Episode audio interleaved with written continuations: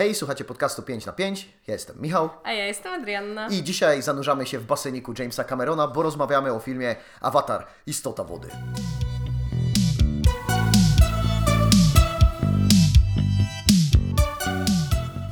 Ej, ten basenik to jest w ogóle bardzo dobra metafora, tylko wiesz, to Jamesa Camerona basenik to jest taki ten taki fancy basenik, który kupujesz na ogród. Wiesz co, ja nawet myślałem, że to jest ten basen, który wychodzi tak za horyzont, że wiesz, że on, ma, on nie ma tej krawędzi i się wylewa za niego cały czas. To się nazywa bodajże Infinity Pool. I do tego jeszcze jest tak, że jeśli to jest basen Jamesa Camerona, to ma 8000 metrów głębokości i można do niego wejść tylko prawdziwym batyskafem, bo tylko w taki sposób operuje Jim, e, jeśli chodzi o zagłębianie się w wodę. Okej, okay, Ada powiedziała cichym głosem, nie wiem co to batyskaw, jest to, jest to okej, okay? bo ja też nie umiem tego naukowo określić, ale jest to takie urządzonko podobne, co było dzisiaj w filmie, E, takie kraby, w których schodzą po prostu głęboko pod wodę. A James Cameron jest znany z tego, że on bardzo jest zakochany w głębokiej wodzie i jest to chyba jego ulubiona część Ziemi. Ziemi i wody oczywiście, bo... Planety. Bo na przykład jeden z jego wcześniejszych filmów e, to jest The Abyss, w którym jakby zinteresowała go między innymi technologia schodzenia pod wodę.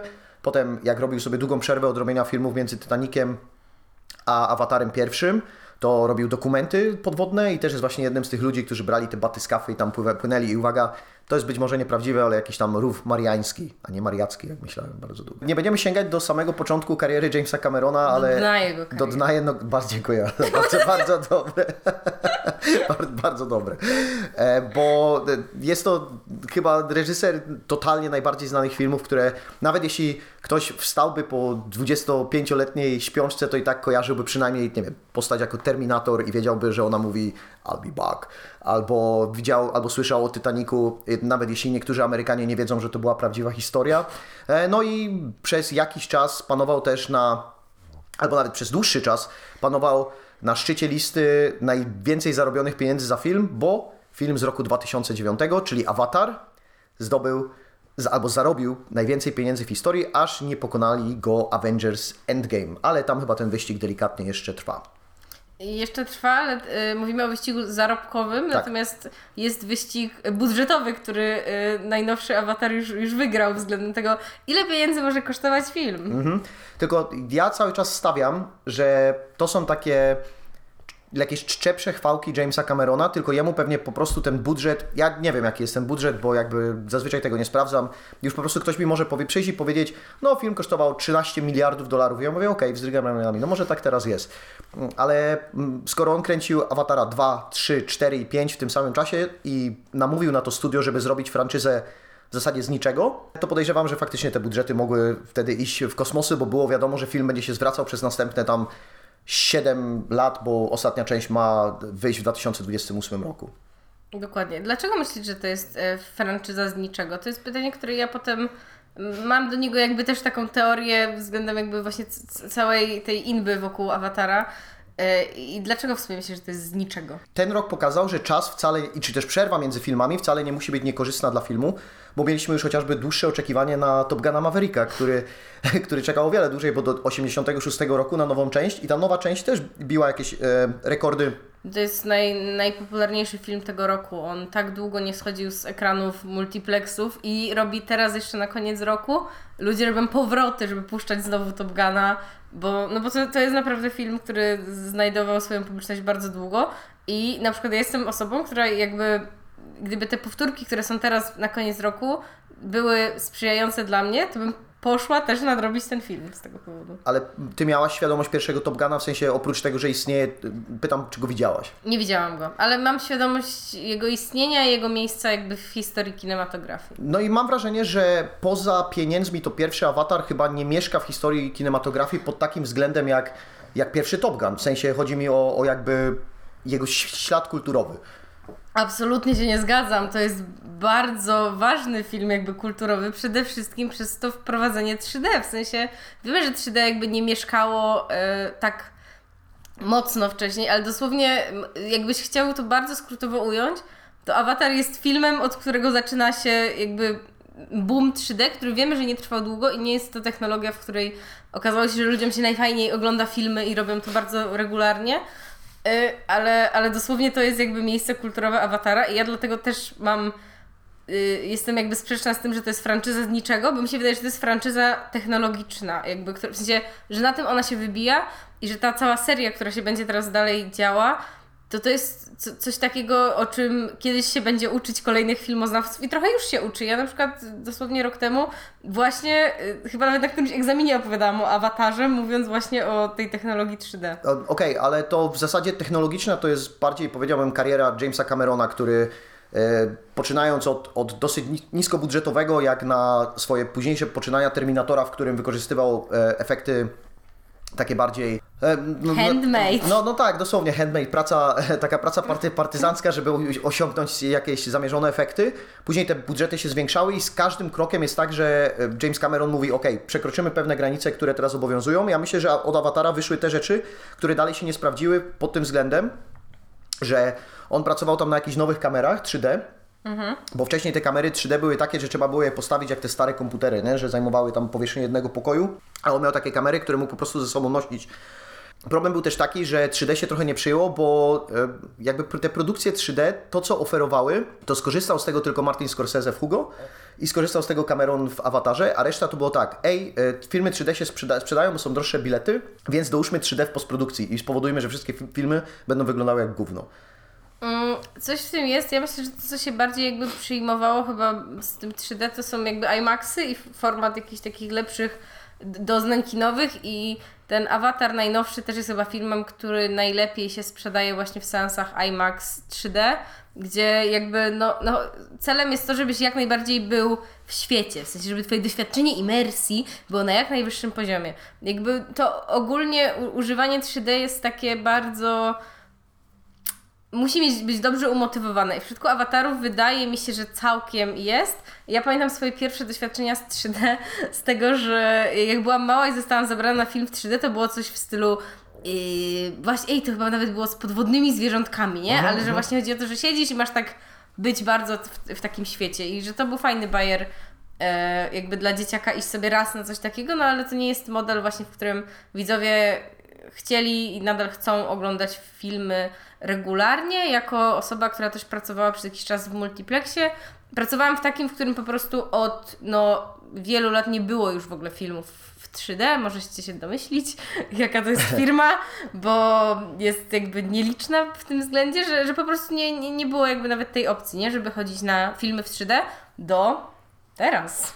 Y, I to ja z kolei, jak w 2009 roku oglądałem Awatara i to miałem takie wrażenie, no mówię, no jest to lepsze niż na przykład jak oglądałem część Harry'ego Pottera, która była zrobiona w 3D i tam było ewidentnie, jakby widać, że to jest zrobione na odpierdziel i mówię, u, fajnie, fajnie te efekciki tutaj wyglądają, zwłaszcza na przykład jak latały te takie białe istotki, które były w różnych momentach ekranu, ale nie czułem potrzeby tej wartości artystycznej tego, natomiast um, ja mam, miałem wrażenie z kolei, że Avatar był ważniejszy pod względem rozwoju jakby CGI, E, do wykorzystania, do poprawienia motion capture, e, do poprawienia tego, żeby te postaci, które są na, na ekranie, nawet jak nie sprawiają wrażenia ludzkich, żeby nie odpychały tym takim uncanny valley, nie? Że, że, czy też e, poszły z kinem dalej z zestawieniem ludzi i komputerów niż na przykład nie komputerów, tylko ludzi i postaci takich animowanych, mhm. bardziej niż kto wrobił Królika Rogera.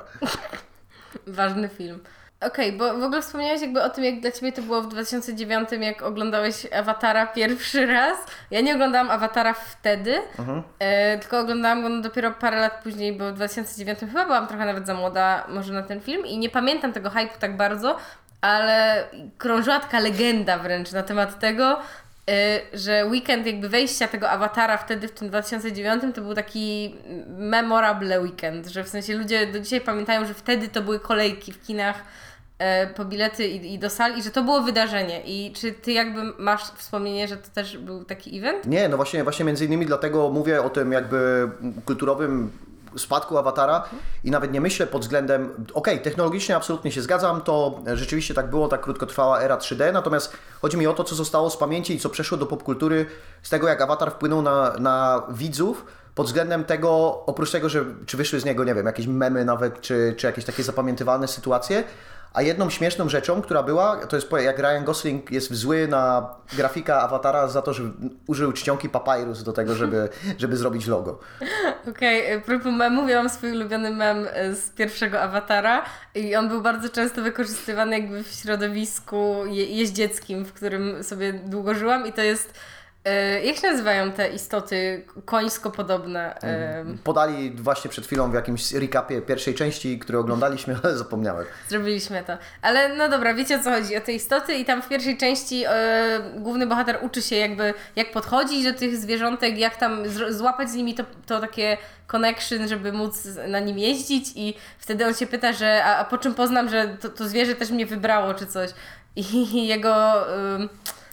jeszcze nie, e, ukochana e, mówi, że będzie próbował cię zabić. I tak się zawsze żartowało, że potem poznajesz e, swojego konia, że on będzie próbował cię zabić i wtedy jest, jest twój. Tak było, tak było z moim totalnie. Ta scena oczywiście jest powtórzona w drugiej części Awatara, ale trochę z tej innej perspektywy. I skoro mamy już ten, ten koncept, albo może, może tak króciutko o pierwszym awatarze, gdzie jesteśmy. Mamy obcą planetę, odbywa się fabuła z Pocahontas, czyli przylatują źli ludzie z cywilizacji, okazuje się, że natura jest jednak ważniejsza. E, Człowiek zostaje w naturze, bo tam jest jego miejsce. Zaczynamy awatara dwójkę. E, No tak to nazwijmy. Mamy głównego bohatera przede wszystkim e, pierwszej części, który jakby otwiera nam też w jakiś sposób drugą. No bo to jest Jake Sully, który no w, w pierwszej części stał się stał się swoim awatarem. W Tak, sensie, no tak. jakby w pewnym sensie wniknął w ten świat Jakby ludu on- Navi. Jakby ontologiczne koncepty tego, co tutaj mówisz, że stał się swoim awatarem, są po prostu bardzo głębokie. Podoba, podoba No. mi się to stwierdzenie. Ja też chciałbym zostać, ja też chciałbym stać się swoim awatarem. Ja też chciałabym, żeby ktoś go zamknął w takiej banieczce, a później już tylko przetransferował go do ciała awatara. Tak, tak, i też chciałbym być e, trzymetrowym smurfem, zgadza się. I to jest akurat super śmieszne, że są smurfiaści. W każdym razie, y, no, druga część zaczyna się od tego, że y, skończyliśmy jakby z tą dwójką bohaterów, którzy żyją sobie w świecie Navi, wyrzucili wszystkich ludzi z planety Pandora, na której oni sobie żyją. E, Znaczy wszystkich ludzi. Tam została taka garstka tych naukowców, którzy sobie żyją, plus dziki chłopiec o ksywie Spider. Mhm. Tragiczna, tragiczna ksywka, absolutnie. Okej, no zostawmy, przejdźmy dalej. No i w międzyczasie tam mija około, jak się mówi, 14 lat, mi się wydaje, że nawet trochę więcej, e, ponieważ rodzą się dzieci ze związku właśnie jakby rodowitej e, Navi Nitra, Ne- Nitra, Ne- Neytiri. Neytiri, o. E, Granej przez Zoe Saldanie. jej i właśnie Jake'a, który no, no też już jest swoim awatarem, ale jednak on nie jest rodowitym Navi i to jest trochę ważne, no bo jednak z miksu e, nie jest czystej krwi, o. E, Nie, nie, jest, jest szlamą, jest szlamą. Tak, jest, nie jest czystym smurfem. Yy, I to, to z ich miksu wychodzi w sumie trójka dzieci, plus mają jedną adoptowaną córkę, yy, która jest w zasadzie córką jednej z głównych bohaterek pierwszej części, która teraz już nie żyje, Grace. Yy, więc oni mają. Grana przez Sigourney Weaver. I była grana w pierwszej części jakby matka, a teraz. Głos, głosem córki, co jest w ogóle, teraz dodam sobie komentarz tutaj do, do tej nowej postaci, czyli Kiri. Serka Kiri. Tak, która, ma, która jest nastolatką i robi takich 11 roli przez cały film, ale ma głos e, 60-letniej kobiety. No ciekawe dlaczego. Robi wspaniałe eye W każdym razie, no mamy tą szczęśliwą rodzinkę i ten film właśnie tak otwiera optymistycznie. O, układaliśmy sobie tu życie i wtedy pada bardzo ważne zdanie, czyli że szczęście ma to do siebie, że szybko przemija. To jest e, filozofia film, filozofia Jake'a jest bardzo, bardzo taka nihilistyczna dosyć mocno, tak? O, jestem szczęśliwy, no to musimy to zrujnować. Coś, tak, coś musi jebnąć, nie? tak. I dziwne, że nie było wcześniej, w sensie jakby... Dlaczego akurat to jest ten moment? E, No wiesz, no, e, że tak powiem, e, musimy wejść w moment historii, kiedy jest coś interesującego. Jakbyś obserwowała, jak Neytiri zmienia pieluchy, to pewnie nie byłoby aż, to tak, aż takie fascynujące. E, tak, tak, ale bardziej myślałam, wiesz, o tym, to jest akurat chyba problem, zaczynając już sekcję, może że przypierdolek, tak naprawdę to nie, one będą organiczne, to ten film miewa czasem problem z jakby tym, żeby lo- logika wprowadzania konkretnych sytuacji była taka bardzo naturalna, w sensie to jest czasem dosłownie takie trochę E, A teraz chór wprowadza kolejną postać, nie? Tutaj Chór- chórem jest- wprowadza trzeciego aktora. Chórem jest, chórem jest Jake, który mówi nam, co się wydarzy w następnej tak. scenie, a z jakiego powodu? E, Jake wprowadza, Jake wprowadza postaci. No to tak jak jest tutaj, nie? Jake wprowadza nieszczęście, bo mówi, Tak. szczęście nie może trwać długo. Trwało tam naście lat, ale dopiero w tym momencie y, ci ludzie postanawiają robić y, zemstę na nich. No, jestem, wiesz, jestem w stanie trochę uwierzyć, że praca nad technologią. ku- Kupuję to, że praca nad technologią, dobra, bo to jest ważne, nie? Bo tutaj nie, nie przeskakujmy jakby kilku szczebli do przodu, bo oprócz tego, że Jake zakłada rodzinę i żyje, to, to ja czepię się do jed- jednego tematu, który był w pierwszej części i on był trochę problematyczny, bo tam był ten kompleks tego białego ratującego, czyli White się- savior. White Savior, nie? Bo on przyszedł i on był lepszy w byciu Navi niż Navi. No, Byli, e, tak, i to było problematyczne, no i oczywiście to, w czym James Cameron też się lubuje, czyli o, natura jest taka ważna, a technologia i ludzie są tacy źli, pomimo tego paradoksu, o którym pisałem też w swojej pracy magisterskiej, Uhu. że James Cameron e, uwielbia technologię i korzysta z niej na maksa, a każdy jego film jest praktycznie tak, jakby był e, mocno antytechnologiczny, co jest takim, wiesz, ciekawą, e, ciekawym zestawieniem między jednym a drugim, nawet można powiedzieć paradoksem. Ciekawa wewnętrzna sprzeczność Tak. w twórczości Camerona. Może właśnie to jest jego, wiesz, taka wewnętrzna bitwa, że pomiędzy tym, co może osiągnąć technologią, a tym, jak tak naprawdę to on by chciał sobie leżeć na łące. To prawda, ale na tej łące musiałby jeździć wielkimi pojazdami i spychaczami, żeby one utworzyły mu wielki basen, w którym będzie mógł zanurzać swoje batyskafy. Infinity Pool. Tak, a w drugiej części z kolei mam wrażenie, że on gdzieś w jakichś miejscach próbuje dotykać rasizmu. No i wiadomo, oczywiście problematyka natury cały czas istnieje i tego, jak szkodliwa jest działalność człowieka, ale, ale gdzieś tam są też te sprzeczki między tym, jak Navi traktują Navi, jak ludzie traktują Navi, e, jak ludzie traktują ludzi i tak dalej. Trochę tak, bo y, no jakby z tego, co już powiedzieliśmy, wynika, iż rzeczywiście ludzie postanawiają się zemścić i znowu tam zaatakować Pandorę, chcą też wydobyć e, ten surowiec, który jest... Anoptanium. No właśnie to. A, ale, w, ale w tym, w Awatarze dwójce już nie interesuje ich ten surowiec, nie? Teraz już chcą sobie po prostu przerobić Pandorę na swoją planetę. Aha, okej. Myślałam, że ten w sensie. y, ja trochę jakby, może to przejęłam trochę z poprzedniej części, ale że przejęłam jakby, że ten surowiec jest tam kluczowy, no bo Ziemia ogólnie to już zsiedla ich, nie? Wiesz, wiesz co, tak, tylko że e, jakby nie pamiętam, czy w pierwszej części to było zasugerowane, że Ziemia tam się rozpada. Mhm. E, chociaż nie, bo było to przecież w tym skrócie. No, e, tylko to Anoptanium było bardziej tak, że Giovanni Ribisi jest człowiekiem korporacji i on chce zarobić bardzo dużo pieniążków. A, okej. A Anoptanium jest, wiesz, no tak samo jest jak mm, trochę było w Don't Look Up, że jak przyleci jakiś asteroida, który niszczy, zniszczy Ziemię, to pierwsze polecą korporacje, bo te asteroidy i to wszystko, co jest w kosmosie, ma pełno e, minerałów. I oni będą próbowali je najpierw wydobyć i sprzedać i zrobić z kosmosu nową Ziemię, zamiast, wiesz, się ratować i tak dalej. Taka jest teza Don't Look Up i patrząc na, na to, w jaki sposób ludzie myślą o każdym surowcu na Ziemi, to wcale nie jestem przekonany, że tak by nie było. Mm, Okej, to się zgadzam, ale w sumie jest taki wątek dotyczący też innego surowca. Bo to nawet nie wiem na ile to można nazwać surowcem, bo chodzi o taki płyn z wnętrza, e, powiedziałabym manato podobnego, może nawet nie manato, wielorybio podobnego zwierzęcia, ale to jest takie bardzo, bardzo poboczne, bo w trzygodzinnym ponad filmie jest wątków mimo wszystko jest trochę. I nie wszystkie jakoś tak y, organicznie chyba się spa... W sensie one wszystkie funkcjonują sobie w bardzo fajnym ekosystemie i tu już jakby przechodzę do takich wrażeń pod tytułem jak mi się ży- żyło w tej przestrzeni przez e, cały czas seansu.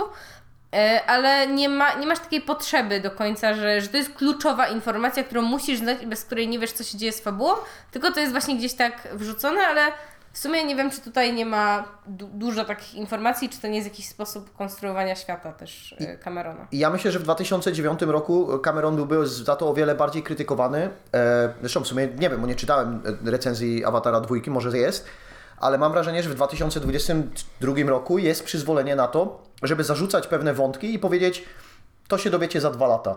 Bo mamy marvelizację, mamy DCizację e, takich uniwersów e, komiksowych, no i Cameron teraz może śmiało powiedzieć, no ten Avatar to w sumie jest film, ale trochę też jest serial, nie? Więc ja poruszę wątek i wcale go nie muszę dokończyć, ale mam wrażenie, że Cameron jest i tak na tyle dobry, że ta pewna historia, którą tutaj opowiedział, i tak jest skończona. Nie? Ta historia, którą, e, którą sobie założył, to, to doprowadził ją do pewnego momentu, który można, możemy uznać za jakieś tam zakończenie.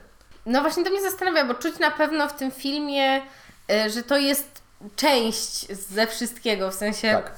E, że tak powiem, wszystkie problemy nie zostały rozwiązane, wszystkie mucki nie zostały odmuckowane, tylko, tylko, że tak powiem, e, odbyła się e, bitwa, a nie wojna. O. O, dokładnie tak, bo bardzo dobrze to porównałaś, bo ja cały czas na początku, jak zacząłem oglądać, to spodziewałem się, o, James Cameron wraca do filmu wojennego pierwszy raz od, od Aliens.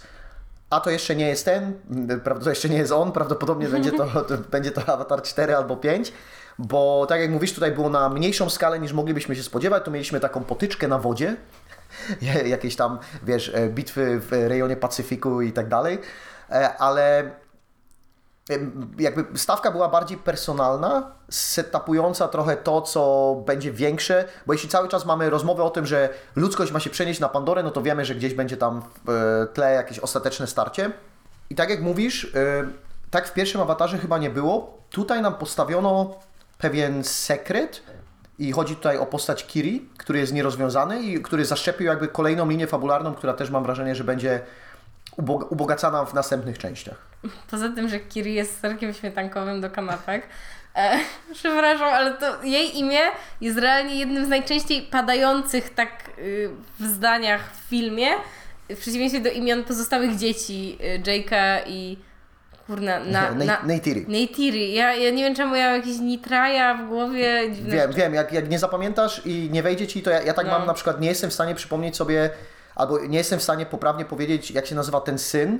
Ne, on ma jakoś tak ne, ne, ne, tr- Ja cały czas mówię Ney, A. Neyma, Neymatan, ale to nie jest Neymatan. Neymar? Czekaj. Tak, bo w zasadzie nie powiedzieliśmy jeszcze, jak y, wypływamy na głęboką wodę w tym filmie. Nice. No bo jednak y, zaczynamy tam, gdzie skończyliśmy, jeśli chodzi o miejsce, bo jesteśmy w lesie, bo jednak nasi nawi są y, ludźmi lasu. Co jest ważne, bo to jest ich jakby naturalny ekosystem, do którego też oni są przystosowani y, swoimi tam cechami jako, jako rasa. Tak, tak, tak jak ewoluowali, nie? Z O. jakiś tam e, ogon, który jest czepny i, i zgrabność poruszania się przede wszystkim po, po prostu po puszczy. popuszcz. I to jest ważne, bo i, i to jest pierwsza z decyzji, które są dziwne. Chodzi mi o to, że kiedy Jake orientuje się, że ludzie chcą tutaj go wykosić, w sensie, że celem oprócz tego, żeby przenieść ludzi y, z Ziemi na Pandorę, jest też to, żeby się zemścić na nim konkretnie, to on mówi, okej, to ja i moja rodzina musimy stąd spadać, żeby uchronić całe plemię.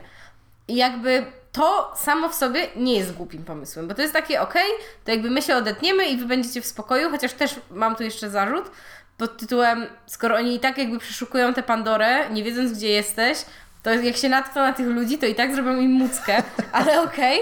Ale on, i to jest dla mnie najbardziej niezrozumiałe, bo on chce chronić swoje plemię, więc postanawia iść do innego plemienia i je narazić. I to jest dla mnie takie, okej, ale gdzie, gdzie, gdzie zgubiliśmy tutaj jakby trochę sens? W sensie, bo to chyba nawet nie jest tak, że jemu nie jest szkoda tych innych ludzi i że ich chce narazić. Przynajmniej to tak nie, wy, nie wynika to z, z tego, jak on o tym opowiada, ale dla mnie to jest właśnie takie, czekaj, więc jakby czemu narazisz ich? Bo na początku myślałam, że bardziej to będzie działało w tę stronę, że to ży- życie rzeczywiście będzie takie bardzo podwodne, w sensie, że on będzie chciał stosować do tego, żeby być schowanym pod wodą i że to ma jakiś sens, że ci ludzie, nawet jeśli przyjeżdżają jako awatary, to jednak są też tymi awatarami, które są ludźmi lasu, nie ludźmi morza. Więc może te awatary też miałyby problem, żeby gdzieś się tam przystosować, zwłaszcza, że nie są naturalnymi nawi czystej krwi, tylko są szlamami. Ale to, też nie było to. No, no nie, i, i jakby jak oni podjęli decyzję, znaczy, no wiadomo było, że skoro to jest istota wody i tak dalej, to oni pójdą gdzieś, gdzie jest woda, ale em, myślałem, że decyzja zostanie, zostaniemy pustelnikami i po prostu będziemy się cały czas przemieszczać, jak tam kapitan Fantastic z Viggo Mortensenem Nie, ze swoją no rodziną. E, ale, ale tak jak mówisz, Jake przestaje narażać jedno plemię, które i tak, oni, i tak powiedzmy zwiad wojska wiedział mniej więcej gdzie jest, na drugie plemię, które znalezienie i poszlaki na to, żeby wiedzieć gdzie szukać Jake'a, zajmuje im tak 5 minut. To prawda, więc to się wydaje takie trochę bezsensowne, aczkolwiek y, no rzeczą jest to, że zmienia się dom tej rodziny Salich, bo też jest bardzo mocno podkreślana ta wartość rodziny w tym filmie, Tak. że oni jako rodzina właśnie w tą szóstkę się tak trzymają razem y, i, jakie to jest tam właśnie dla nich ważne. okej, y, tylko, tylko właśnie ja tak trochę czu- czuję tutaj mały taki brak logiki, ale w filmie to po prostu jest element przygody, nie? W sensie prze, nagle przenosimy się do tego świata wodnego i tutaj wchodzi cała narracja, pod którą oni muszą się wpasować w nowy świat dla siebie.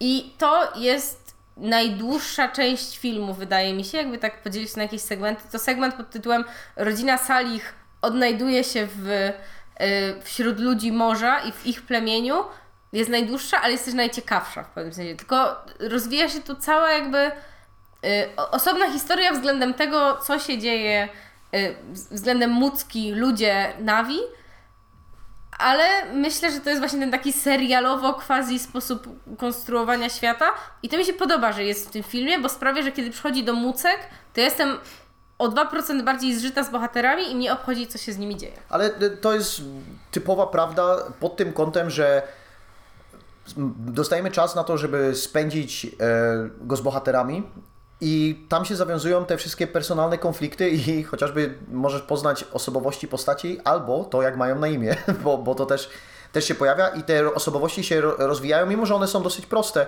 bo... A, jeszcze jedna rzecz o Jake'u, która jest taka bardzo smutna. On mówi, że e, rolą ojca jest bronić rodzinę i częścią jego słów, które dalej wymawia jest coś takiego w stylu bo inaczej to po co istnieje, nie? To jest, e, to jest, taka, to jest taka przykra obserwacja. A z drugiej strony, jeśli mogę Ci się Jasne. wtrącić, to Jake jest totalnie takim surowym starym. Jak oglądaliśmy z Michałem film, to mówiłam, że tak sobie wyobrażam Michała, jakby był ojcem, czyli zero czułości, twarde wychowanie, ale podszyte właśnie taką e, generalną troską. I, i Jake e, niestety ma też ten problem, że kiedy synowie, albo w zasadzie jeden syn, który ciągle się czuje jako taki odrzutek rodzinny i to jest też ten, to jest też ten temat bycia odrzutkiem, który jest mocno poruszony w filmie, e, on cały czas mu sugeruje, że no ty jesteś tak naprawdę takim przegrywem i nigdy jakby nic poza tym nie mówi, w związku z czym powoduje jeszcze większą separację tego młodszego syna od samego siebie, od samej rodziny i wywołuje w nim paradoksalnie, drugi raz używając tego słowa, e, to, że on próbuje znaleźć coraz e, trudniejsze rzeczy do zrobienia po to, żeby zaimponować ojcu, po to, żeby był z niego jeszcze bardziej rozczarowany, bo na przykład naraża resztę swojej rodziny na jakieś niebezpieczeństwo. Tak, bo to jest ważne, że mamy y, w kolejności występowania i rodzenia się dzieci, no to jest pierworodny syn, właśnie ten Netejam już wspomniany.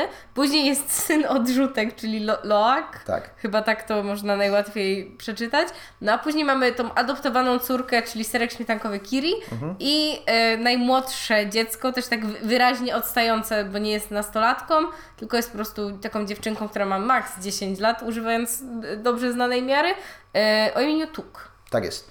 I, I cała ta rodzina, jakby przez cały film dostajemy z różnych perspektyw, oprócz tuk, em, jakby każdy, każdy dostaje czas na rozwój swojej postaci, e, oprócz Neteyama, który jest ustalony, ale też z pewnego powodu. Tak, tak. Co najmniej właśnie Loak i Kiri mają takie swoje telenowelowe wątki e, o młodzieżowych e, sprawach, bo e, właśnie w tym najbardziej interesującym mnie segmencie filmu są te wszystkie rzeczy w stylu dzieciaki muszą się zaklimatyzować trochę jak w nowej, szkole. Tak, tak, tak, tak. To jest, to jest totalnie jakaś. Ten film to zawiera w sobie w tych ciągu tych trzech godzin zmieściło się całe Mean Girls, tylko tutaj jest zmienione na Mean Sea Boys, z którymi właśnie muszą się tam trochę pościerać nasi ch- chłopaki z lasu.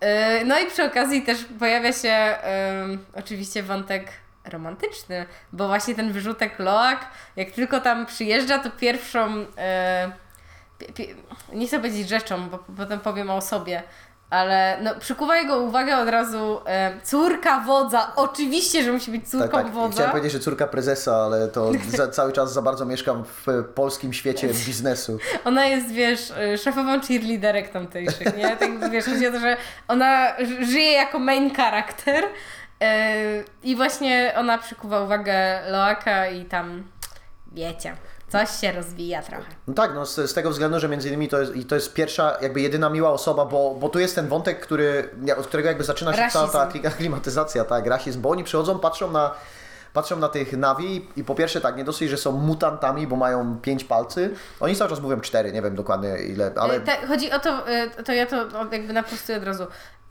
że te dzieci ze związku właśnie Jake'a i N Neytiri. Neytiri, e, są jakby, no, no, no oni są tak, wiesz, półkrwi, nie? Tak.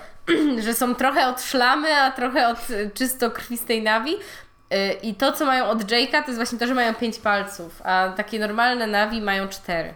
Okej, no i dlatego są nazwani frikami, ale jak docierają do tego miejsca, gdzie ważniejsza jest woda, to nie tylko za to są wyzywani, bo, bo są nieprzystosowani jako ciało, bo ich ogon na przykład jest, służy do zupełnie czego innego i mówią, że się nie nadają do pływania i nie umieją oddychać za długo i mówią, wy jesteście bezużyteczni, no bo wiadomo, wasze zdolności, które panowały wcześniej, nie umiecie przełożyć teraz, to znaczy, że się do niczego nie nadajecie. Ale w ogóle bardzo mi się podoba y, wprowadzenie tej różnorodności w Navi, w sensie, że okazuje się nagle, że jest jakiś taki, że, że oni są różnymi podgatunkami i też wydaje mi się, że to jest o tyle ciekawie wprowadzone, że jednak no, my żyliśmy wcześniej tylko z tymi ludźmi lasu i oni dla nas są jakimś takim głównym kanonem, więc odruchowo dla widza w jakiś sposób y, te nowe nawi mogą się wydawać odrobinę dziwne, bo zostały wprowadzone później, bo dopiero się dowiadujesz, że, że jest jakieś takie właśnie zróżnicowanie w tym ich przystosowaniu do życia w konkretnym środowisku.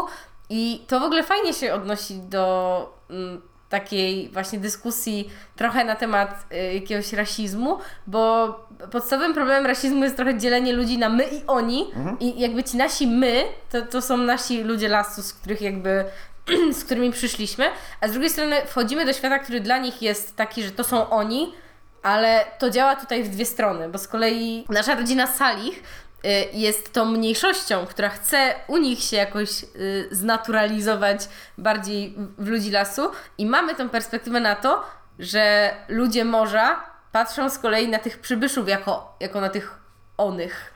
I, tu mamy jeszcze ten, ten ważny aspekt rasizmu, czyli to, że systemowo w tej w pozycji władzy są ludzie morza, czy też nawi morza, ze względu na to, że to oni mają jakby, oni ustanawiają jak wyglądają ich instytucje i wykorzystują to do tego, żeby, żeby im, żeby troszeczkę delikatnie przygnieść y, nawi lasu. Tak, no, no ta, ten kontekst właśnie jakiejś takiej pozycji władzy myślę, że jest tutaj e, ważny, o, o, o czym wspomniałeś. E, I fajnie, że to jest też tak pokazane e, systemowo właśnie, że to, to ogólnie jest i też potem się sprowadza do tych mikrosytuacji, które się dzieją przede wszystkim pomiędzy tymi nastolatkami, bo ci dorośli mniej oczy, w oczywisty sposób wchodzą w takie bitewki między sobą, a jednak ci nastolatkowie są bardzo mało chętni do tego, żeby tych mutantów jakoś włączyć do swojej ekipy. Ale y, są takie subtelne, y, subtelne lewe proste w kierunku dorosłych też, bo oni przyjeżdżają, u- ubiegają się o tak zwane uturu, jeśli dobrze pamiętam. Tak, tak, tak. Czyli oni po prostu są azylantami. Tak, o. I e, szef, czy też wódz, czy prezes ple, plemienia mówi do e, Jake'a, że będziecie, my wam, my wam teraz pomożemy się tutaj asymilować po to, żebyście nie czuli e, hańby bycia bezużytecznym. Czyli wiesz, ktoś przyjeżdża do twojego kraju i ty mu mówisz, dobra, pomogę ci zasymi- zasymilować, ale potem wypierdalaj do roboty, nie? Bo inaczej to znaczy, że będziesz ściągnął z systemu. O tak, no, no oni chcą im znaleźć od razu y, funkcję jakąś w społeczeństwie. I w sumie czy to jest.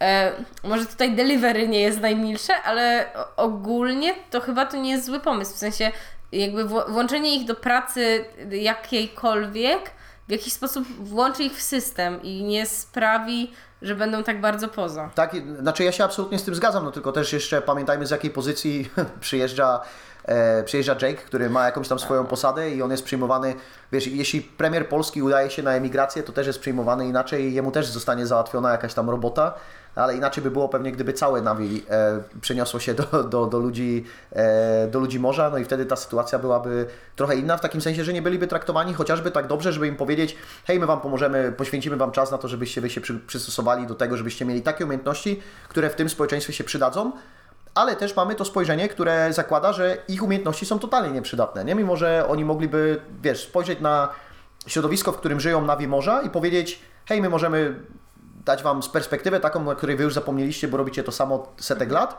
a my mamy coś do zaproponowania nowego pod, pod, tytułem e, wykorzystajmy to, co robicie teraz w inny sposób. No ale to też może działać w dwie strony, w sensie, czy, czy ludzie może też, w sensie, no oczywiście to jest już bardzo hipotetyczne, ale czy oni też nie robią tych samych rzeczy bardzo długo i Tak, że... właśnie o to mi chodzi, że ludzie morza mogą się nauczyć czegoś od e, ludzi lasu. No a właśnie, a ludzie lasu mogą się nauczyć czegoś od ludzi morza, co no widzimy w Tak, bardzo tak. dużej części e, filmu. Zamykając ten wątek przystosowywania się ludzi, przybywają, ludzi nowego, społecz- starego społeczeństwa, ludzi innego społeczeństwa, przybywającego do, O. do ludzi innego społeczeństwa, to mamy jeszcze tę e, opowieść o tym, że był ten pan wojskowy, który był takim typowym głównym złym o niespecjalnie szerokiej gamie subtelności w pierwszej części, e, czyli Miles e, Quaritch bodajże, grany przez Stevena Langa e, i on został zabity w pierwszej części przez Neytiri, próbując zabić Jake'a i okazuje się, że on w tej części wraca, bo jakieś DNA chyba wróciło na Ziemię i tam powstała technologia, którą ludzie wykorzystali do stworzenia swoich Navi.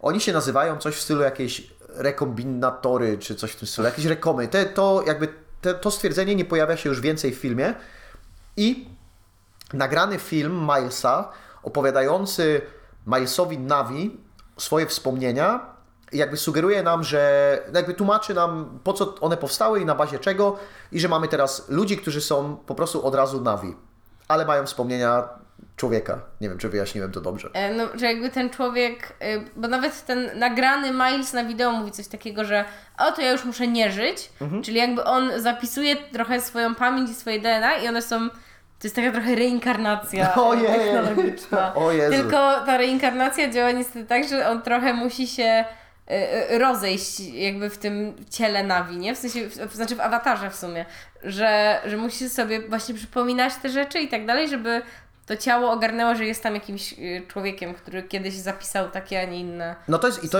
i to jest ciekawe pytanie, bo e, wiesz, tego, ja już bym powiedział, że tego nie można nazwać awatarem, bo tej drugiej osoby już nie ma, nie? Więc, A, E, więc, e, więc się zastanawiam, jaka jest racja tego bytu. I z drugiej strony, jeśli on nie dostaje tej porcji informacji, ej, kiedy, kiedyś byłeś mną i teraz za chwilę będziesz miał jakieś wspomnienia, które są absolutnie z czapki, to czy on to z tą osobą się stał, czy to jest nowy, kompletnie świeży byt, który mógłby po prostu być nawim, bo został stworzony w ten sposób. No ale właśnie, czy, czy on byłby Nawim? W sensie, skoro nie jest taki jakby naturalnie urodzony z dwóch Nawi, wiesz, chłopak, dziewczyna, normalna Nawi rodzina. Czy E, koleżanka Adriana sugeruje, że dzieci, które są z in vitro, nie są prawdziwymi dziećmi? Pozdrawiam moją koleżankę Sydney, która jest in vitro. No nie, ale Bo tak zabrzmiało. tak? Tak? Ej, ale to, to jest wyższa rozkmina, no ale w sensie, no nie no, ale bo, bo ja to rozumiem jakby nie tak, że oni tworzą człowieka, tylko oni tworzą jakby, chodzi mi o coś takiego, że tak jakbyś zrobił model człowieka, ale taki, że musisz do niego włożyć coś, żeby zatrybiło, nie? W sensie takie, o, jakbyś budował Frankensteina, że oni robią takie Frankensteiny, e, że, bo dla mnie właśnie tym tym, ty, tym jest jakby to, to opakowanie, w które potem jest włożony ten Miles. Wiesz o co chodzi? Że i, I dla mnie przykład to opakowanie no nie jest jak dziecko z in vitro, bo jednak to jest trochę inaczej. No- Tylko właśnie, że to jest taki Frankenstein, No, suchy. Okej, możemy różne jakby miary przykładać No. do, do tej technologii, bo ona nie jest nam super opisana. Widzimy tylko, że one po prostu powstają i są wyciągnięte i one mają już jakieś tam e, wspomnienia teoretycznie wbudowane w siebie, a nie wiemy, gdyby sam ten sam ten wesel pozostał, e, czy on byłby... Co, co by z nim było? O Tak. właśnie, to jest, tu się rozchodzimy, bo on albo jest dzieckiem z in vitro, wtedy albo jest Frankensteinem. Tak, tak. Albo jeszcze jakaś koncepcja, o której nie pomyśleliśmy. E, No i w ogóle e, śmieszne jest też to, że ja nie wiem, czy ten Navi jest podobny do Stevena Langa, ale też jakby chyba nie jest zadaniem każdego Navi, nie? Żeby wyglądały jak swoi bohaterowie. One, one chyba na takim bardzo, bym powiedziała, twarzowym poziomie może to robią, no a tak to myślę, że, że nie, zwłaszcza, że Jake w tej części ma te długie pety i w ogóle jakby a pamiętamy, że nie był długo, w sensie nie miał długich włosów, o, pety to włosy, pamiętajcie. E, Albo papierosy. E, Ale tutaj nie, nie pali długich papierosów. Michał ma jedno, ja mam drugie, Tak. zastanówcie się. E, Miles e, zosta- zwołuje swoją ekipę, która jest taka w taki, z takich rzeczy, których kamerą też się interesuje, czyli trochę jak wojsko się wy- wybiera na wyprawę, nie? bo to jest, jak, to jest trochę jak w Obcym 2, gdzie jego zainteresowanie leży w tym, że przyjeżdża jakaś ekipa, no tylko tutaj bardziej poznajemy Milesa i jego jakiegoś jednego takiego przydupasa, a reszta ekipy jest tylko do tego, żeby wybić i tak fajnie przylecieć helikopter, helikopterami do dżungli. Nie? To mi się dosłownie kojarzyło z Predatorem, jak oni tam spadali polować na, na te dzieciaki na początku. Ej, a ja w ogóle się właśnie zastanawiałam, czy to jest tak, że ja tego Predatora widziałam niedawno i dlatego mi się to z tym kojarzy, czy po prostu tak to zrobili. Ale y, no, ich jest też tam y, kilku po to, żeby łapać y, bohatera, o którym wspomnieliśmy już, ale trochę nam uciekł, czyli właśnie Spidera, pająka. y, Czyli to dziecko, które no jakby musiało zostać gdzieś tam spłodzone w rejonie tych naukowców, którzy zostali na Pandorze, a nie zostali wysiedleni na Ziemię z powrotem. Bo był zbyt młody, żeby go wsadzić do kriokapsuły. Tak, to jest ważne. E, więc on się tak trochę, on jest takim e, awatarowym Tarzanem. W sensie dosłownie on jest tym bohaterem. On nawet chodzi w, takich, w takiej przepasce na, e, przepasce na pas. Wiem o, czym- wiem o czym mówisz, e, nie mam pojęcia jak to się Czymś, co nazywa. zakrywa jego genitalia, Genitalia, tak. ale równocześnie pozwala na swobodne bieganie po dżungli, element ubioru w każdym razie. I on, z, z nim jest taka rzecz, że on jest tam właśnie po to, żeby stworzyć połączenie z tym Milesem, bo jest taka koncepcja, że on jest jego synem, że to właśnie Miles go tam spłodził swego czasu, y, ale to w sumie nie jest nigdy tak do końca potwierdzone, ale no, w finale filmu to się okazuje bardzo ważna gdzieś tam relacja i Spider po prostu zostaje porwany przez, y, przez Milesa i ekipę na, gdzieś na początku filmu. No i bardzo długo on przebywa z nimi. Najpierw jako taki trochę jeniec, później na, no nadal jeniec, ale taki, który trochę im pomaga, ale no jest tam gdzieś przeciwny ogólnie temu, co oni robią. By the way, nie wiem czy ja dobrze załapałem, ale on chyba też ma na imię Miles. Uuu. Bo Tak, tak, ma, bo on nawet mówi, że nikt tak do niego nie mówi, Dokładnie. że ten. Tak, to dlatego pewnie. No oczywiście, że jak mają tak samo na imię, to są ojcem i synem. tak jak wiemy, każdy stary i każdy syn mają od, Tak. od czasu. Wszyscy, wszyscy ludzie mają, wszyscy faceci mają na imię Adam. I okej, ten świat jest pełen jakichś takich właśnie mniejszych historii złożonych w taką wielką, ala telenowelową rzecz, którą ogląda się naprawdę miło. W sensie, moją największą obawą przy filmach, które mają więcej niż dwie godziny, jest to, że będzie mi się chciało siku. I to jest moja największa obawa zawsze. Tak, to nie mam problemów z metrażem. Mój rekord to jest, jak oglądałam 4-godzinny film bez żadnej przerwy na siku i po prostu zbijam sobie piątkę. No a tutaj mamy 3.15 które naprawdę ogląda się dobrze i przez to, że ma to taki telenowelowy rytm i są właśnie te mniejsze wątki i tak dalej, to, to nie jest męczące też. I myślę, że to jest naprawdę fajny seans, żeby tak sobie go na spokojnie wziąć i, i, i gdzieś tam doświadczyć. To nie jest film, który cię tak porywa bez reszty, na przykład jak to robią niektóre, że jesteś po prostu y, w takim bardzo dynamicznym ciągu akcji przez określony czas. Tak było na przykład w menu, o którym rozmawialiśmy parę odcinków temu.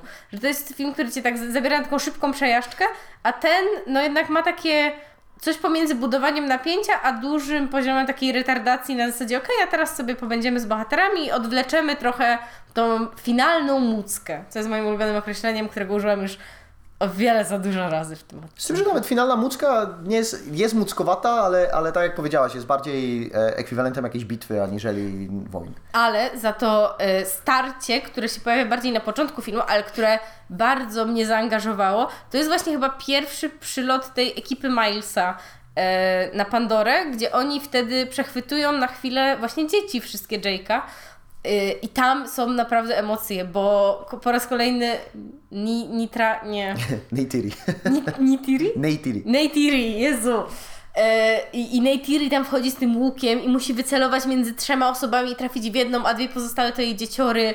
I tam jest y, takie naprawdę fajne napięcie i to fajnie mnie tak chwyciło na początku tego filmu, że gdzieś zaczęłam od razu być y, jakby przejęta losem tej rodziny. I myślę, że to jest fajny, fajny zabieg też coś takiego, wprowadzenie na początek. No, ja mam takie wrażenie, że mój problem z Cameronem w tych filmach Camerona, które mi się mniej podobają, jest taki, że on zakłada, że będę e, dawał jebanie o ludzi, o których ja nie daję jebania i potem nie robi żadnej roboty, żebym dawał o nich jebanie, bo Navi mnie kompletnie nie interesowali w pierwszej części. To nie było tak, że ja im kibicowałem, o ludzie, ludzie, drzewka, wygrajcie proszę z ludźmi, którzy przyjechali po Anoptanium i mówię, dobrze, że kurwa to pierdolone drzewo spadło, bo po prostu miałem ochotę stanąć, wiesz, jak James Cameron staje naprzeciwko mnie i wymierza mi ciosy, że ty musisz wiedzieć, że ludzie są źli i powinniśmy dbać o przyrodę, to ja staję, w takich chwilach staję po prostu kontrarianizm i mówię, nie, to ja, wiesz co, kibicuję jednak potworom z korporacji.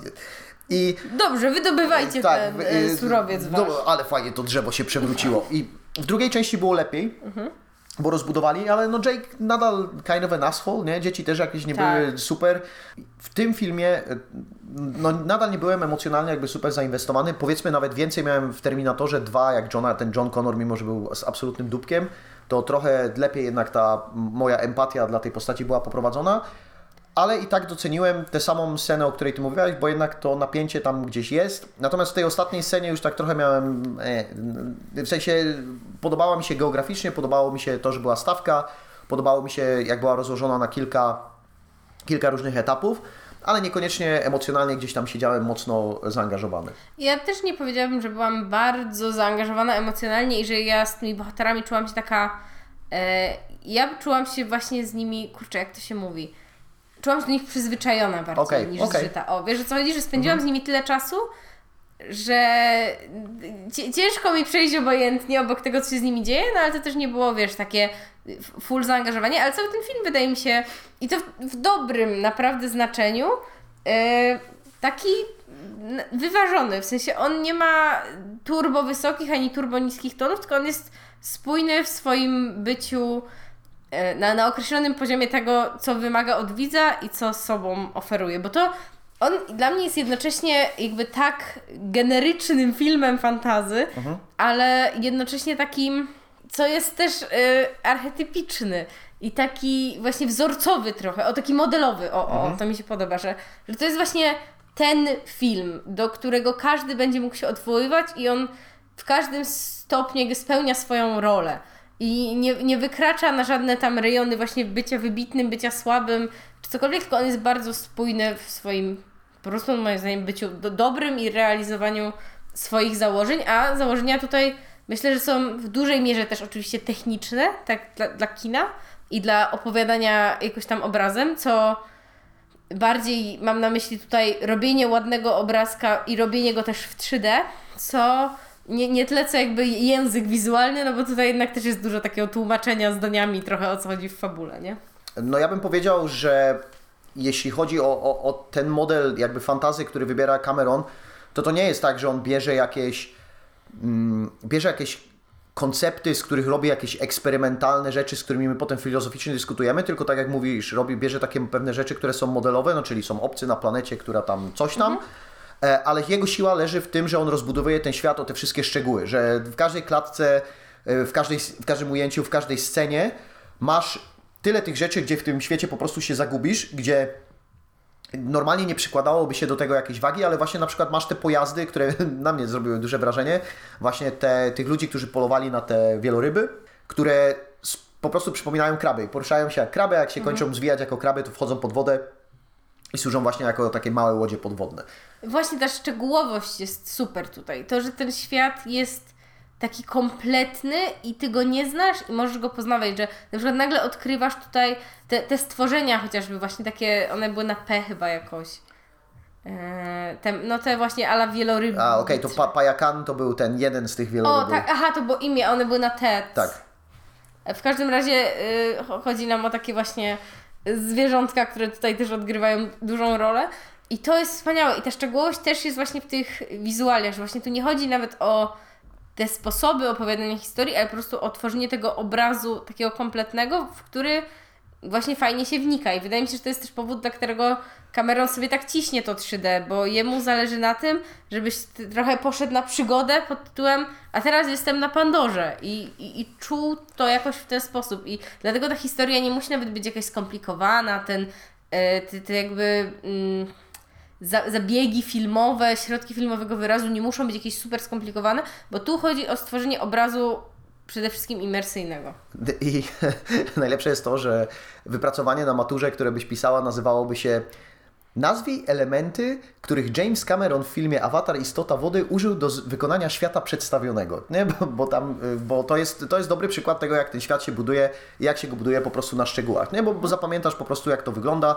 E, Jest określona barw, barwa kolorystyczna w każdym momencie przypisana do, do różnych rzeczy i to faktycznie widać. Co ja doceniam w tym filmie, że w tym filmie wszystko kurwa widać. Nie? To jest po prostu, bo to jest jeden z tych nielicznych blockbusterów, gdzie odbywa się, ja wiem, że to nie jest światło dzienne, bo tam to światło jest sztuczne, ale nikt nie, nie wyłącza świateł, a jak jest to eklips, czy, czy przechodzimy na noc, to to służy tylko do tego, żeby pokazać, że u, nocą jest ładny, bo tam świecą gwiazdy i tak dalej, a, a nie do I tego, na że- tych twarzach ich się świecą Do- takie małe...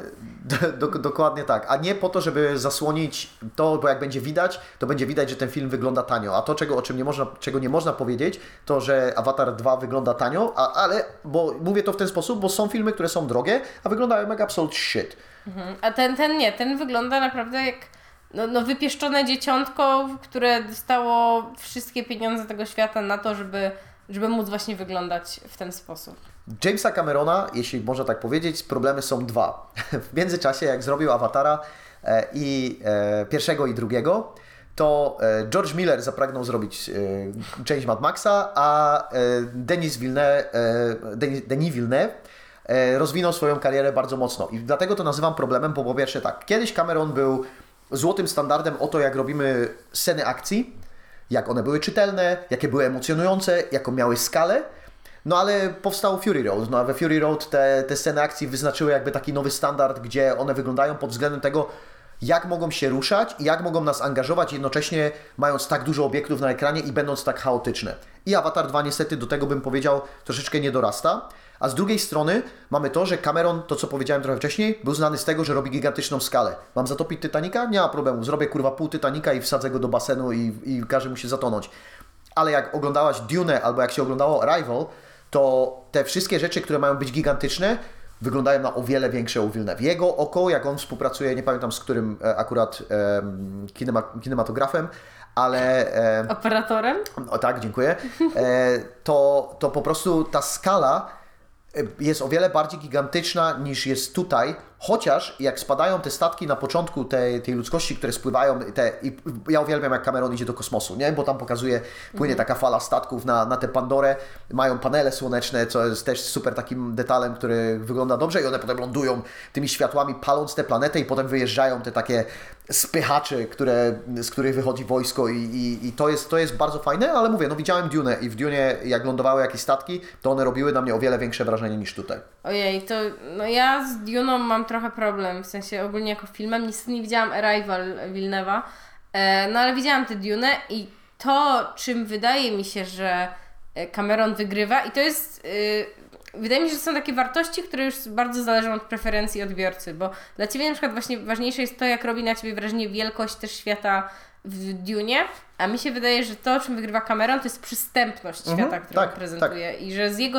w jego świat jest mimo wszystko łatwiej wniknąć, on jest bogatszy właśnie w takie drobne wizualia, bym powiedziała, które gdzieś tam tworzą cały nowy ekosystem, a jednak tego, to wydaje mi się, że jest czymś, z czego w Dune na przykład trochę brakuje.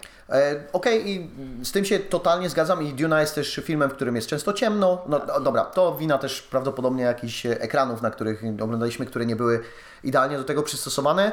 E, Natomiast pewne motywy jakieś takie wodne, nie mówię o wykonaniu, bo wykonanie tutaj jest absolutnie na 10 na 10, ale motywy jakieś tam typu, że ktoś wchodzi pod wodę i pod wodą są jakieś ukwiały i tak dalej. No no dobra, widziałem też, gdzie jest Nemo e, i podejrzewam, że są e, jeszcze jakieś inne filmy, gdzie e, gdzie jakby ta, ten świat podwodny jest przedstawiony po prostu bardzo ładnie i, i te wszystkie elementy są. No tylko, tylko tutaj chodzi o to dopracowanko i napracowanko. Termin, którego dawno nie było. Napracowanko. E, a było dawno, jak to się mówi, że celowość nie oznacza dobrości. E, a czy tutaj celowość oznacza dobrość? Tak, tak, tak. W sensie to jest, to jest porządny film w takim sensie, że on nie, nie musiałby mieć 3 godziny 15 minut, ale te elementy, których bym się spodziewał po filmie przygodowym akcji, który ma pociągnąć trochę emocjonalnie, a jednocześnie ma być technicznie wykonany na naprawdę takim poziomie, że go doceniasz, to, to, to tak, to ja aprobuję. Mi się ten, ten awatar nie podobał mi się bardzo, bardzo, ale na pewno podobał mi się o wiele bardziej niż część pierwsza. Okej, mi się ten. E, też mi się wydaje, że ten mi się podobał odrobinę bardziej niż pierwszy, no ale właśnie też pierwszy ja oglądałam. E, oglądałam na studiach w ogóle dopiero, O. czyli tam 3 lata temu chyba właśnie go widziałam e, pierwszy raz. E, I nie miałam też jakichś dużych oczekiwań, pomimo jakiejś no, znajomości tego właśnie takiego trochę jednak kulturowego hypu na ten film. A po prostu tutaj wnikając w sobie w ten świat, naprawdę czułam się zaskakująco dobrze, chociaż y, Michał mógłby Wam potwierdzić, że przychodząc do kina nie czułam się najlepiej z jakichś tam przyczyn, no niekoniecznie losowych, ale Oglądaliśmy film w sobotę. Rano o 11. E, Zgadzam się z Tobą, bo mam wrażenie też, że Avatar 2 fajnie, chociaż on się tak nie nazywa, bo nazywa się Avatar Istota Wody. A właśnie, a przecież wszyscy mówią Avatar 2, No, tak, tak. Coś tak w language common. Tak, e, i, i tutaj e, myślę, że taką dobrą rzecz, którą robi, to jest tak, że daje nam te piękne obrazki, jakbyśmy pojechali na jakieś Hawaje i ta woda jest błękitna i w ogóle cała ta miejscówka wodna jest taka, że mówię, ok, przeprowadzam się tam i uczę surfować na tych rybach, na których oni, rybożółwiach, na których oni pływają, a z drugiej strony wbija nam tymi maszynami brutalnymi, które prostują ziemię i tam babka... y, i Carmela Soprano jako generał, która jest odpowiedzialna za przeprowadzanie terraformacji, mówi: Zobaczcie, jak my tutaj montujemy w 6 dni, potrafimy jak w Chinach zbudować szpital i, i tak dalej. E, A potem wracamy z powrotem do tej, do tej wody, gdzie ta córka wodza ra, razem z, z Loakiem wpływają w ziemię i ona uczy go oddychać, do wody, przepraszam, pod wodę i ona uczy go oddychać i że ma, się, że ma zwolnić i, i w ogóle wszystko jest chill, nie? I, dopiero, i wtedy dopiero pozna samego siebie. Ważne. Yy, dopierdolka dosłownie na 30 sekund. Jest jedno turbo male ujęcie w tym filmie i jako, że no jakby te kwestie dotykają mnie ostatnio w życiu bardzo, to muszę ją wytknąć. No ona jest dosłownie jak właśnie pierwszy Tak, raz tak, Loak tak, tak. widzi, y, nie? I ja trochę nie wiedziałam, że da się zrobić, y, w sensie, że awatar to zrobi, w sensie, wiesz co chodzi? Jednak No. patrząc na tych nawi i tak dalej, to jednak to i tak tu się y, pojawiło, gdzie jakby ich ciała mają, się w ogóle ciała nawi mają jakby duży potencjał też, by łatwo je seksualizować, przynajmniej tak mi się wydaje. E, A tutaj w sumie no to jest przede wszystkim to, to ujęcie, gdzie ona właśnie wychodzi z wody e, i idzie i oczywiście musisz tylko widzieć jak idzie i ona nic nawet nie powiedziała, ale już jest e, super. No ale to jakby wiecie, jest bardzo dużo filmów, które to mają, ale zawsze myślę, że warto sobie zwrócić na to uwagę, żeby jakiś tam proces w mózgu zaszedł pod tytułem Dlaczego, dlaczego wciąż tam jesteśmy społeczeństwo? Tak, James Cameron is the manliest of men, zaczął robić filmy w latach 70., więc e, pewne nawyki nigdy się nie zmieniają. E, No i e, w jego, domyślam się, że w jego głowie istnieje jakieś uzasadnienie za to ujęcie, ale my go nie będziemy uzasadniać, bo nie, film, film jakby tego nie robi, bo daje nam po prostu takie syreniczne ujęcie, że ona wypływa z tej wody, jest w takiej całej rozciągłości, a potem wychodzi jak Hailey Berry w Bondzie, e, po to, żeby na nią po- spojrzeć jak na Ursulę Andres w latach 70., 60., czyli no, jesteśmy tam, gdzie jesteśmy. Nie chce mi się specjalnie wchodzić w dyskusję typu, o, czy było warto tam 13 lat czekać na awatara, czy nie było warto, bo wiadomo, że ludzie i tak pójdą do kina zobaczyć ten film i to będzie jeden z tych filmów, który się ogłasza jako teraz kino znowu odżyło, bo takich produkcji właśnie potrzebujemy, nie? świeżych i oryginalnych, drugiej części, części sprzed starszego filmu.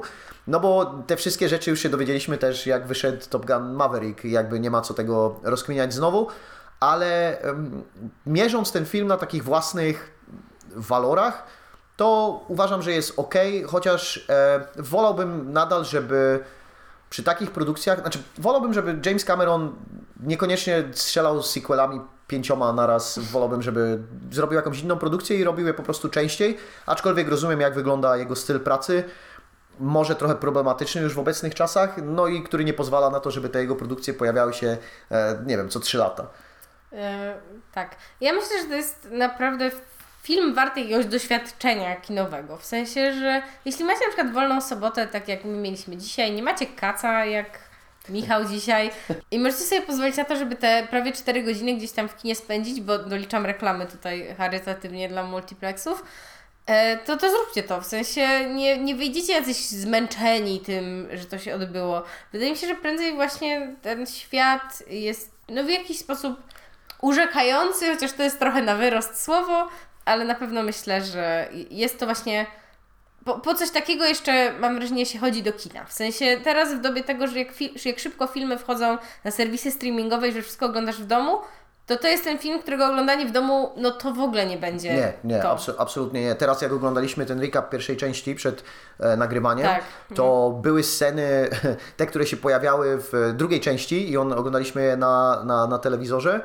I A mój telewizor nie jest tragiczny. tak, i, i, i wyglądały beznadziejnie. W No. sensie absolutnie nie, nie byłbym tym zainteresowany, więc to, to jest faktycznie taki film, bo zawsze się mówi o tych filmach, o idź do kina. No, no to, jest takie, to jest taki film, gdzie po prostu zupełnie inne wrażenie dźwiękowo-wizualne będzie, jak, jak się go po prostu obejrzy na gigantycznym ekranie zamiast na dużym ekranie. Tak, bo tak jak ogólnie ja zawsze jestem fanką polecania doświadczeń kinowych na zasadzie łatwiej się skupić, masz większy ekran i są po prostu warunki takie projekcyjne, e, to tutaj chodzi właśnie też przede wszystkim o duży ekran, o dźwięk i, i o takie rzeczy, które no nawet na przykład bym sugerowała tu właśnie wycieczkę do multiplexu i pewnie najlepiej ten IMAX 3D, jeśli możecie, e, bo tu właśnie chodzi o wielkość też tego e, wydarzenia, a jednak takie ekrany w mniejszych kinach to, to też nadal nie będzie to. Tak, jakieś właściwe nasycenie kolorów i, O, i tak, tak, dalej. tak. To, to są rzeczy, które tutaj e, robią przyjemność z tego filmu, bo po prostu można go chłonąć tak e, tylko wzrokiem i, i to też jest e, pewna przyjemność. No i też tam ilość klatek na sekundę i cała płynność tych ruchów i to wszystko myślę jednak No, więc wysyłamy Was właśnie do kina, bo Michał jest e, takim ojcem jak Jake Sully, czyli e, wydaje tylko rozkazy e, i, i potem rozlicza z nich, więc wyspowiadajcie nam się, czy byliście na awatarze Istota Wody. By the way, e, animacja Navi nadal jeszcze nie dojechała tam, gdzie powinna dojechać. Wydaje mi się, że jeszcze jesteśmy. Jest, było, było chyba takie założenie w, jakby w rozwoju animacji, że dojeżdżamy do tam 99% dosyć szybko i potem ten jeden ostatni procent jest bardzo ciężko przekraczalny i nadal robią takie dziwne rzeczy i nawet jak emotują, to widać, że nawet jak tam ucho chodzi, ale to mrugnięcie jeszcze nie jest we właściwym miejscu i tak dalej i, i nie jestem, nie jestem, nie kupuję w 100%, chociaż graficznie wyglądają na pewno dużo lepiej niż w awatarze numer jeden. A jak kupujesz e, iRole Kiri? E, no, gdyby, znaczy James Cameron nie byłby Jamesem Cameronem, gdyby jakby postaci nie posługiwały się tam, te nastolatki mówią do siebie bro, bro, cuz i, i tam cringe'owałem strasznie, no więc na Kiri też tam delikatnie cringe'owałem, ale wiem, wiem skąd wychodzi, Cameron pewnie miał nastolatki albo nastolatka jako dzieci. Więc domyślam się, że może znać to z autopsji. Musiałem sprawdzić, Cameron, jeśli nie, mam, nie masz dzieci, to przepraszam, już tak, nie znam Twojej biografii aż tak dobrze. Excuse me. Okej, to w takim razie wsiadamy do naszego batyskafu, e, wynurzamy się na powierzchnię i e, serdecznie zapraszamy na następny odcinek podcastu 5 na 5.